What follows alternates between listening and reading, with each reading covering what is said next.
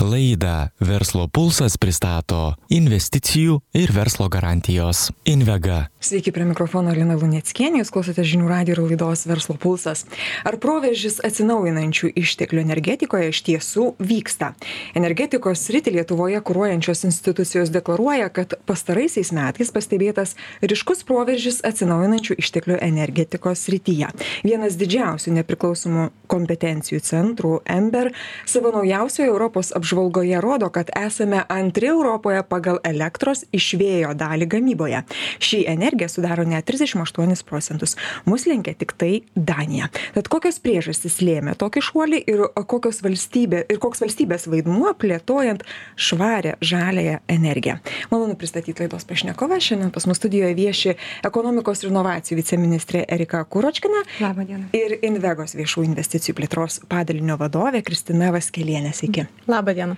Tai gal, Erika, pradėsime iš karto nuo jūsų. Čia prieš laidą šiek tiek apsitarėm, daugiau mažiau, kaip čia su, ta, su to proveržiu pas mus yra, ar ne. Tai koks ten tas proveržis ir, ir, ir iš tiesų pastaruoju metu daug kalbame apie Lietuvos energetinės nepriklausomybės didinimą ir pas mane laidose tikrai nekartą apie tai kalbėję esam, apie žalį Europos kursą, kuris irgi labai dėlis akcentas šiandien mūsų, mūsų, mūsų dienotvarkėje. Taigi, tas bendras kontekstas kaip mes atrodom bendram kontekste. Įžangoje šiek tiek užsiminiau kad visai neblogai bent jau kalbant apie vėją. Tai labai norisi to bendro vaizdo iš paukščio skrydžio apie mūsų atsinaujinančius energetikos šaltinius ir, ir kaip mums čia sekasi darbuotis. Taip, laba diena, ačiū labai už klausimą. Taip, tikrai, e, kalbant apie vėją, atrodome neblogai. E, e, tikrai. Vėjų kraštas vadinasi. Na, taip, tiesa. tiesa. Ir ambicijos irgi pas mus yra labai didelės, tačiau nepaisant to, didžioji Lietuvoje naudojimo atsinaujinančio energijos išteklių dalis vis dėlto yra kietasis biokūras. Tai yra mediena, malkos ir e, kaip jau užsiminėte nors pagaminamos vėjo ir saulės energijos kiekis auga bet vis dar atsiliekame taip bendrai žiūrint į visus atsinaujinančius energijos išteklius tiek nuo vokietijos tiek nuo ispanijos tiek nuo italijos kur ši energija sudaro daugiau negu keturiasdešim procentų. Nuo bendrai sunaudojamos energijos. Čia yra mhm. svarbu vienas dalykas yra gaminti ir kitas dalykas ir ją ir vartoti. Tai esame suplanavę daug investicijų ir subsidijinių priemonių į šią sritį. Ir jei pavyks laiku užbaigti ir vėjo saulės parkų projektus kurie yra suplanuoti kaip yra kaip žinia atsinaujinančių energijos išteklių dalis iki jau iki dvidešim penktų metų lietuvoje turėtų sudaryti keturiasdešim šešis procentus. Čia jau iki dvidešim penktų metų tai pora metų. Tai tikrai ambicija ir tempai yra didžiuliai ką svarbu taip pat paminėti kad elektrą gaminančių vartotojų skaičius pastaruosius trejetą metų lietuvoje išaugo net septynis kartus. Ką pastebim kad absoliuti dauguma a jų pasinaudojo mūsų skiriamom dotacijom. Vis dėlto valstybės paskata a tą daryti yra svarbus faktorius šioje srityje. Motyvuoja. Motyvuoja tikrai taip. ir ir ir ir suteikia tikrai priemones taip pat kartu su šia invegos paskolų priemone apie kurią mes pakalbėsime toliau daugiau mes ir norime paskatinti dar labiau verslą ūkininkus investuoti į atsinaujinančius mhm. energetikos energijos išteklius ir ir tam šiuo metu numatėme paskirstyti penkiasdešim milijonų paskolų forma a ką jaučiam kad susidomėjimas yra labai didelis nes nepriklausomi energijos ištekliai reiškia verslui mažesnes sąskaitas ateity. Sąnaudas tiesiog kalbant ar ne tiesiog paprastai tariant taip. sutaupai biudžeto eilutę na ir žinoma nekalbant apie e, didžiulį teigiamą poveikį žaliojo kurso kontekste klimato kaitos ir jos grėsmių kontekste. Įsitikinam mes jau kiekvienais metais vis vis labiau dėl klimato kaitos ir jau čia kelio kaip sakant tikriausiai labai nebėra nebėra tiktai tiktai gelbėt tai kas kas likę. Ir dabar jau kristina kreipiuosi į jus ką ką ką viceministrė ir užsiminė. Jūs esate tie kurie sprendžiat ar ar ar ar duot jau tam vienam ar neduot tų pinigėlių subsidijuot dotuot ar ne. Tai e, esate finansavę tikrai ne vieną projektą skatinę verslą ir būtent atsinaujinančios energetikos srityje. Taigi kalbant grynai per šią prizmę per energetikos atsinaujinančius e, išteklius ar atsiperka? Kokia grąža e, ką ką jūs stebite iš iš savo pusės? Nes čia matėm e, idėją iniciatyvą o jūs esat tie praktikai kurie liečiatės ir žinote visą visą tą jau vidinę Taip, mes, mes jau esam tie, kurie bendraujam su konkrečiais klientais, e, pačiupinėjom tos projektus ir, ir matom, kaip tie projektai gyvendinami ir kokie jie yra ir kokį jie rezultatą atneša. Ir kokie poreikiai tikriausiai. Ir e, kokie poreikiai ir kaip įmonės vertina tą pasiektą rezultatą. Mhm. Ir iš tikrųjų tikrai galiu patvirtinti, kad e, įmonės šitus projektus e, nori įgyvendinti ir paklausa šioms investicijoms vienareikšmiškai auga. Ir tai vyksta be abejonės dėl e, keleto pagrindinių priežasčių kurias galbūt norėtųsi įvardinti. Vieną tai e, jau paminėjom sąnaudų mažinimas ar ne? Iš tikrųjų pastaraisiais metais užaugus energijos išteklių kainoms vienareikšmiškai įmonės mato prasmę taupyti kaštus ir investicijos į žaliąsias technologijas tai yra turbūt tiesiausias kelias tą padaryti, ar ne? E, ir iš tikrųjų tai ne tik tai mažina, šios investicijos ne tik tai mažina įmonių kaštus, bet ir didina atsparumą e, sviruojančioms energijos kainoms, kur iš tikrųjų netokia sena patirtis ar ne parodė, kad tos kainos gali sviruoti net ir dešimtis kartų. Kaip praeitais metais e, sprogo visi visi. Taip, ir iš tikrųjų investicijos į, į žalį energetiką ir užsitikrinimas energijos šaltinių savo reikmėms, jisai būtent ir garantuoja, kad įmonė na, didina konkurencingumą ir atsparumą energijos kainų svyravimams, ar ne? Vis dėlto finansiniai rodikliai yra tikrai ne vieninteliai, nes šie projektai tikrai atsiperka ir turim pavyzdžių, kur projektai atsiperka per 2, 3, 4 metus, ar ne? Na tai finansiniai rodikliai vienareikšmiškai kalba patys už save, kad šios projektus įgyvendinti apsimoka vienareikšmiškai. Tačiau finansiniai rodikliai ne vienintelė priežastis, iš tikrųjų pastebime ir vartotojų turbūt elgsenos pasikeitimus ir mes pačios galbūt dažnai renkamės produktus, kurie yra na, pažymėti ir, ir iškomunikuota yra, kad tos įmonės tikrai investuoja į žalį energetiką, nedaro žalos klimatui ir aplinkai. Ir vartotojų elgsena taip pat kelia tam tikrus na lūkesčius įmonėms tiek ir prekių tiek ir paslaugų teikėjams. Na ir jie vienareikšmiškai tam tikra forma irgi nori atliepti tuos klientų lūkesčius ir ir na pasiimti tą rinkos dalį jeigu ir tikriausiai šita tendencija jinai tiktai augs kai žmonės mes vartotojai mes žiūrėsime kaip kaip patenka vienas ar kitas produktas viena ar kita paslauga į rinką ir ir kaip sakė kad kuo žalesnė tuo mūsų pagarba ir mūsų kišenės bus plačiau atvertos šitam reikalui. Taip? Nes vartotojai irgi tam tikras sąlygas verslui irgi diktuoja. diktuoja be abejo. Ir, ir poreikiai kinta, jo labiau, kai mes matom viską e, kaip sakoma, patys liudininkai esam viso, visų pokyčių. Ir Erika, jūs dar ką pasakėt ir man labai norisi irgi klausti e, apie ūkininkus. Iki šiol visą laiką ūkininkai buvo tie, kurie negalėjo daž, dažnu atveju pretenduoti į, į tam, tikrus, į tam tikras priemonės, finansinę pagalbą ir dabar jau jie atsiranda sąraše. Tai gal plačiau šiek tiek apie ūkininkus ir kaip jie gali šitomis priemonėmis, ar Kristina čia aš jūsų turiu klausti dabar tas. Aš tai galiu tik tai, kaip pasakyti, pasakyti, kad mūsų nuomonė, na, e, kalbėdami apie finansinius instrumentus verslui, e, žali, e, žalinimo temoje, žalinimo srityje, mes neturime taip diversifikuoti ir išskirti, tam duosim, tam neduosim paprastai. Tai norisi tokios lygybės šioje vietoje. Ir, ir man atrodo, na šioj vietoj būtent lygybė yra na normalu ir šiek tiek kelia taip šypseną tas, kad kodėl čia staiga mes taip išskiriame, išskiriame ir ūkininkus. Bet tuo pačiu mes ir siunčiame žinę, kad tai yra absoliučiai lygiavertis mūsų ekonomikos veikėjas ir subjektas. Tai ir dėl to jeigu valstybė turi tinkamus finansinius instrumentus jam padėti transformuotis kaip kad mes darome ir pramonės sektoriuj tradicinės pramonės sektoriuj tai lygiai taip pat ir mūsų a žemės ūkio sektoriaus atstovai a taip pat gali tą tą daryti ir į ką turėtų dabar ūkininkai atkreipt dėmesį? Kas galėtų kas galėtų man išsamiau pasakyti ir ūkininkams visiems pasakyti kad į ką jie turėtų atkreipt dėmesį jeigu jie nori pasinaudoti šita priemone Tai žinokite, sąlygos ūkininkams yra lygiai tokios pačios kaip ir verslui, ar ne, apie sąlygas galėsim truputėlį plačiau. Aš gal dar tik norėčiau uh, paantrinti viceministrė Erikai, kad uh, kadangi žemės ūkis yra, na, tikrai labai didelis sektorius ir jo uh, įtaka klimatui taip pat yra labai reikšminga tai mes iš savo pusės tiesiog galim pasveikinti tokį politinį žingsnį kad iš tikrųjų jeigu mes norim pasiekti tuos ambicingus tikslus kuriuos įvardino viceministrė tai negalim išbraukti nė vieno iš subjektų veikiančių rinkoje ir visus juos kviesti investuoti ir sudaryti jiems sąlygas įgyvendinti šiuos projektus.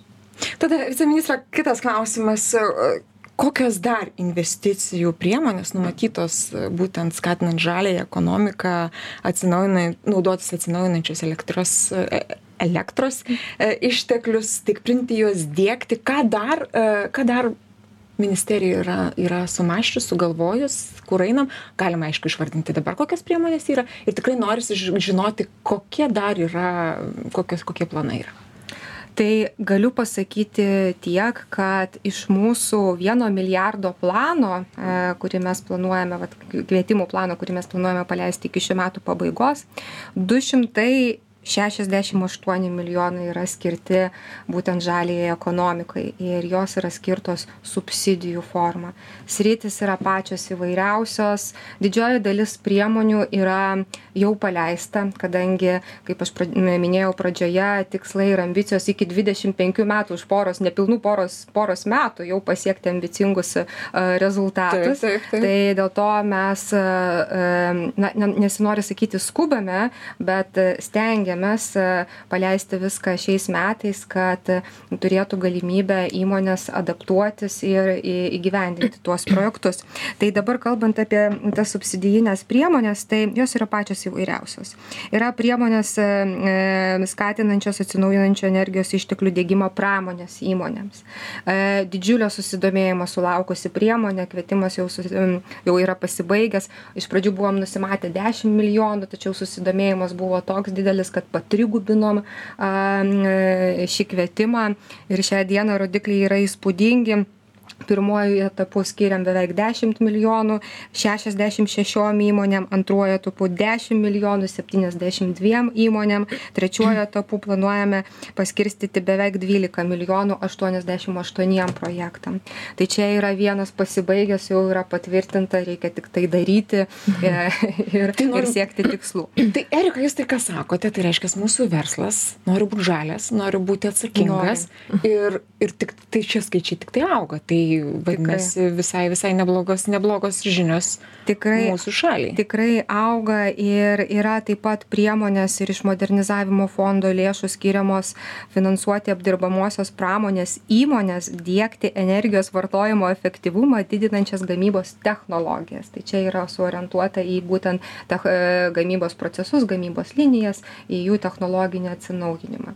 Tai irgi labai įspūdinga priemonė yra numatyta trisdešimt milijonų milijonų paskirstyti tai pirmuoju kvietimu nepavyko visų trisdešim milijonų paskirstyti e, liko apie aštuonis devynis milijonus tai planuojame spalio rugpjūčio pabaigoj jau jau šį mėnesį irgi paskelbti.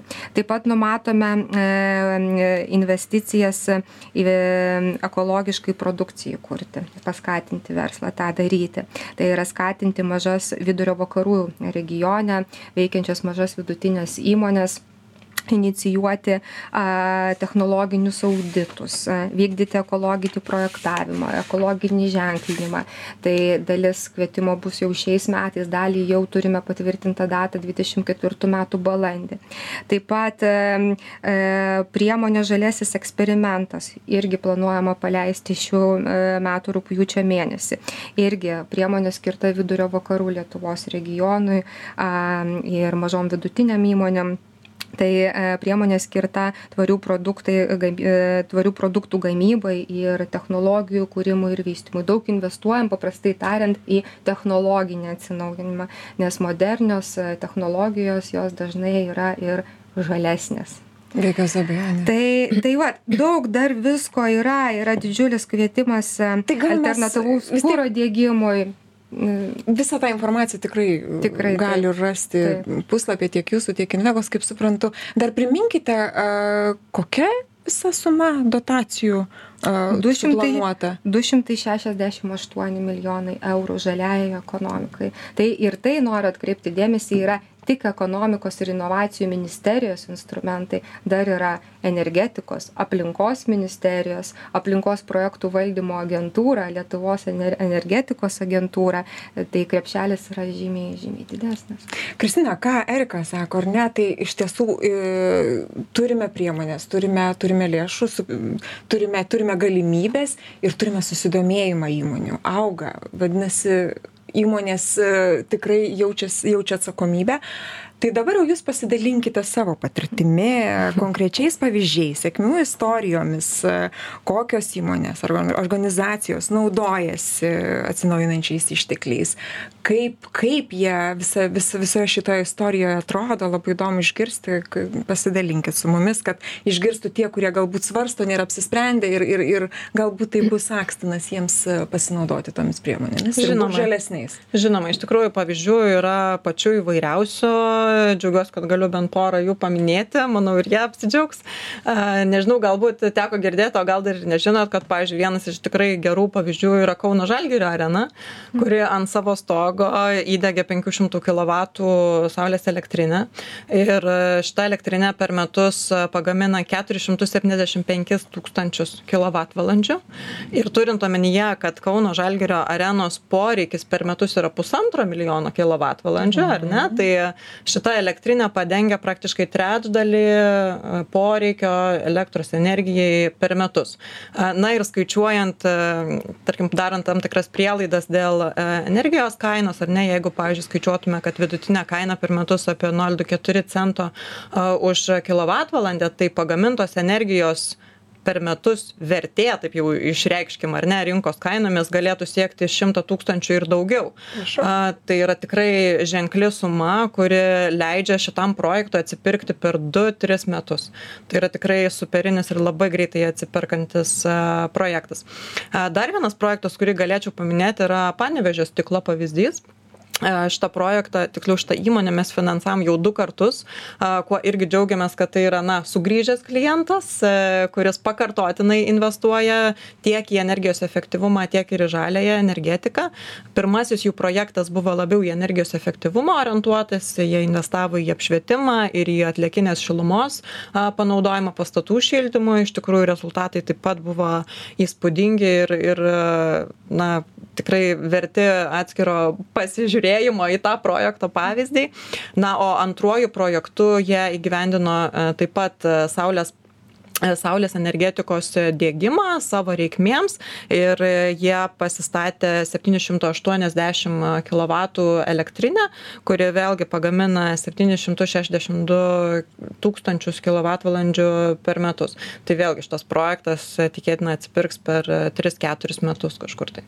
Ir Kristina, tada jau, jau, kad taip viskas labai gerai ir, ir, ir tikrai, sakot, atsiperka per tiek trumpą laiką iš tikrųjų. Tai, tai jau dabar pasakokite apie šią priemonę, apie kurią mes ir susitikom šiandien kalbėti, ar ne, svarbiausias detalės, ką verslas turi žinoti, ką ūkininkai turi žinoti. Mhm. Visą tą techninę, bet svarbiausią informaciją, jeigu, jeigu labai trumpai išvardintumėte, kad... E, tai gal tokius išgir... esminius, e, esminius akcentus, akcentus jau, taip. kaip ir buvo paminėta, šitai priemoniai skirta 50 milijonų, a, tačiau manau, kad tai tik pradžia iš tikrųjų, nes... Tai kaip ir sakė ministrė, matom, kad tai yra poreikis didelis didinamas. Taip, poreikiui augant, aš manau, ir, ir ta priemonė galbūt, ar ši priemonė, ar kitos priemonės dar tikrai atsiras dar papildomo šaltinio bet iš tikrųjų, kalbant apie konkrečių projektų finansavimą per šią priemonę, tai kreiptis gali mažos ir vidutinės įmonės ir ūkininkai, kurie atitinka SVV smulkios ir vidutinės e, įmonės statusą.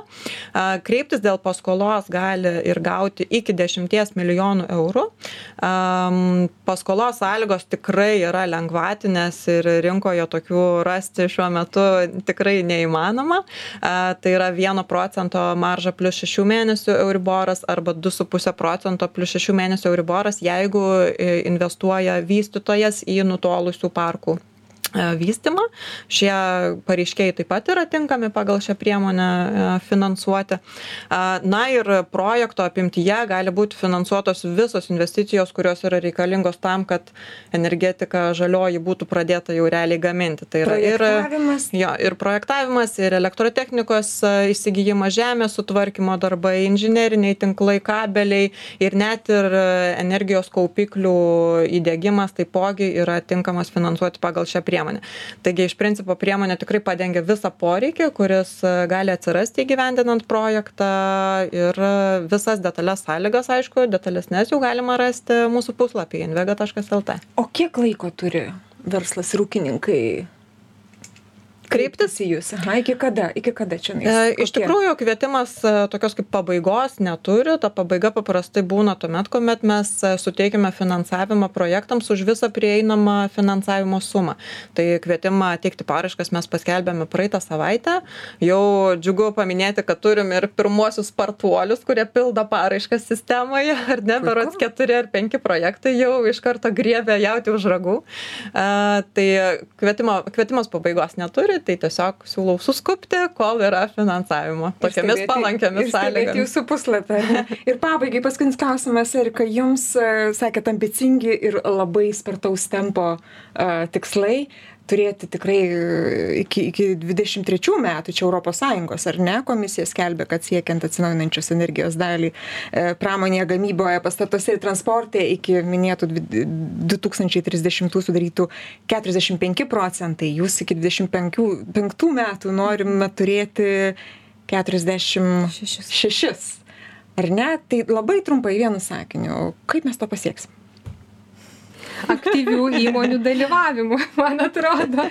Ką mes ir matom, ar ne? Procesas vyksta, įmonės, įmonės dalyvauja, apimtis didinamos ir, ir, ir apie tai kalbama ir, ir tikrai galvojama apie, apie tuos, tuos instrumentus, kurie padėtų to pasiekti. Taip, ir labai svarbu ir tikrai norisi pasiūsti tą žinutę visam verslui, tikrai neišskiriant nieko, kad Invega, ekonomikos ministerija yra labai atviros ir esant bet kokiems klausimams, galbūt yra sunku aplikuoti, žinau, kad kartais uh, būna nepatenkintas verslas ar ne. Mhm. Techniniai dalykai, taip, taip, taip. Biurokratiniai labai stabdo. Kad... Tai tikrai visi esame atviri, nes man atrodo sėkmė yra tikrai uh, per mūsų bendrą darbą siekiant to, to rodiklio. Nes mes tikrai norim padėti verslui, matom tą naudą, tai yra valstybės investicija, nes graža bus ne tik verslui per sutaupytas sąnaudas, per jų didesnį konkurencingumą ne tik čia Lietuvoje, bet ir tarptautiniu mastu, bet ir graža valstybei noriu dėkoti jums už pokalbį. Žinių radijo klausytojams primint kad šiandien laidoje verslo pulsas svečiavosi ekonomikos ir inovacijų viceministrė erika kuročkina ir invegos viešųjų investicijų plėtros padalinio vadovė kristina vaskelienė. Dėkui jums laidą vedžiau aš lina luneckienė ir toliau likit su žinių radiju. Gražių jums dienų. Laidą verslo pulsas pristato investicijų ir verslo garantijos invega